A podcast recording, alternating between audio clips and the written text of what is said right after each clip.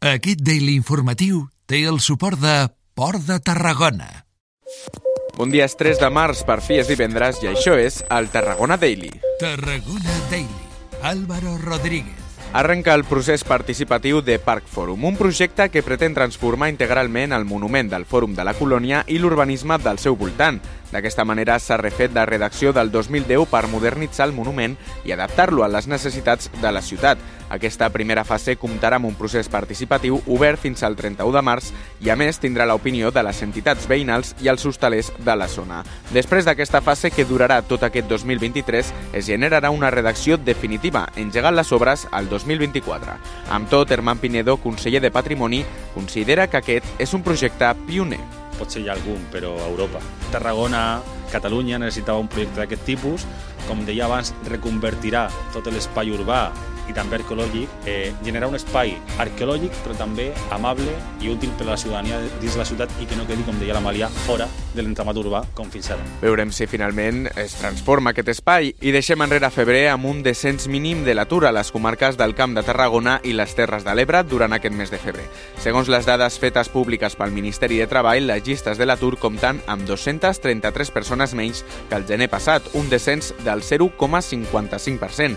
El sector serveis ha estat el principal responsable de la feble baixada de l'atur a les comarques del Camp de Tarragona i les Terres de l'Ebre amb precisament 233 persones aturades menys. Ja a força distància la construcció amb 50 i després la indústria i l'agricultura també han guanyat llocs de treball. Tarragona Daily.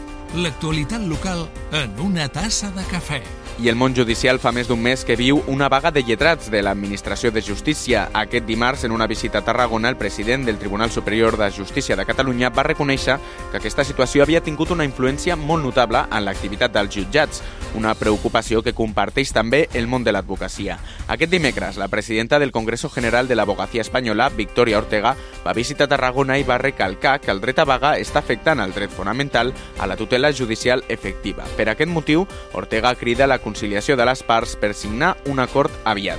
Una solució que la presidenta ha reconegut que no sembla que hagi d'arribar aviat.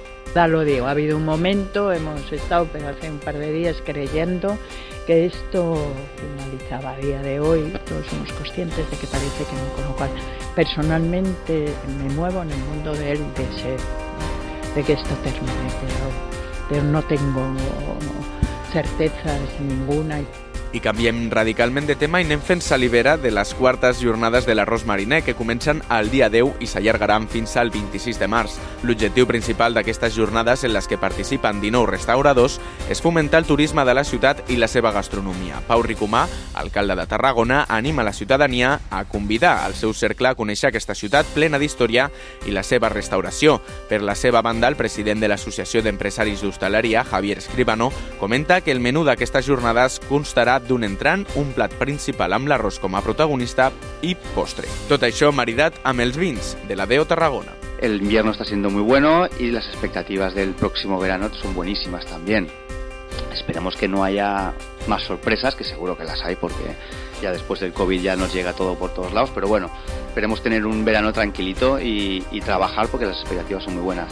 Això és Tarragona Daily el Daily Informatiu de Ràdio Ciutat de Tarragona. I en cultura felicitem a la banda Unió Musical de Tarragona que celebra 30 anys amb un concert el 20 de maig al Teatre Tarragona. Sota el nom 3 vol reivindicar les tres dècades de les tres divisions de la banda en tres parts diferenciades. A més, la banda organitzarà enguany una cercavila amb tots els músics de la ciutat a principis d'estiu, l'organització d'un viatge per a tots els músics també i la projecció d'un documental sobre la història de la banda al novembre, un aniversari que la banda rep en un gran moment d'activitat i reconeixement, segons ha explicat el seu president. Potser sempre ha costat una mica a vegades, sobretot pel que fa a les festes, doncs, perquè som els últims, som qui tancàvem el seguici, llavors era, era una mica estrany, però realment s'agraeix que aquests últims anys, amb les distincions de perpetuadors, comença a haver-hi aquest reconeixement, nosaltres ens hem començat a, també a fer una mica més aquest nom, a obrir-lo i a donar-lo a conèixer a la ciutat de Tarragona. Doncs amb això marxarem, això és tot. Moltíssimes gràcies per escoltar-nos i recorda que pots escoltar tota la informació local més destacada cada matí al web de Radio Ciutat de Tarragona, Spotify i iTunes. Fes-nos part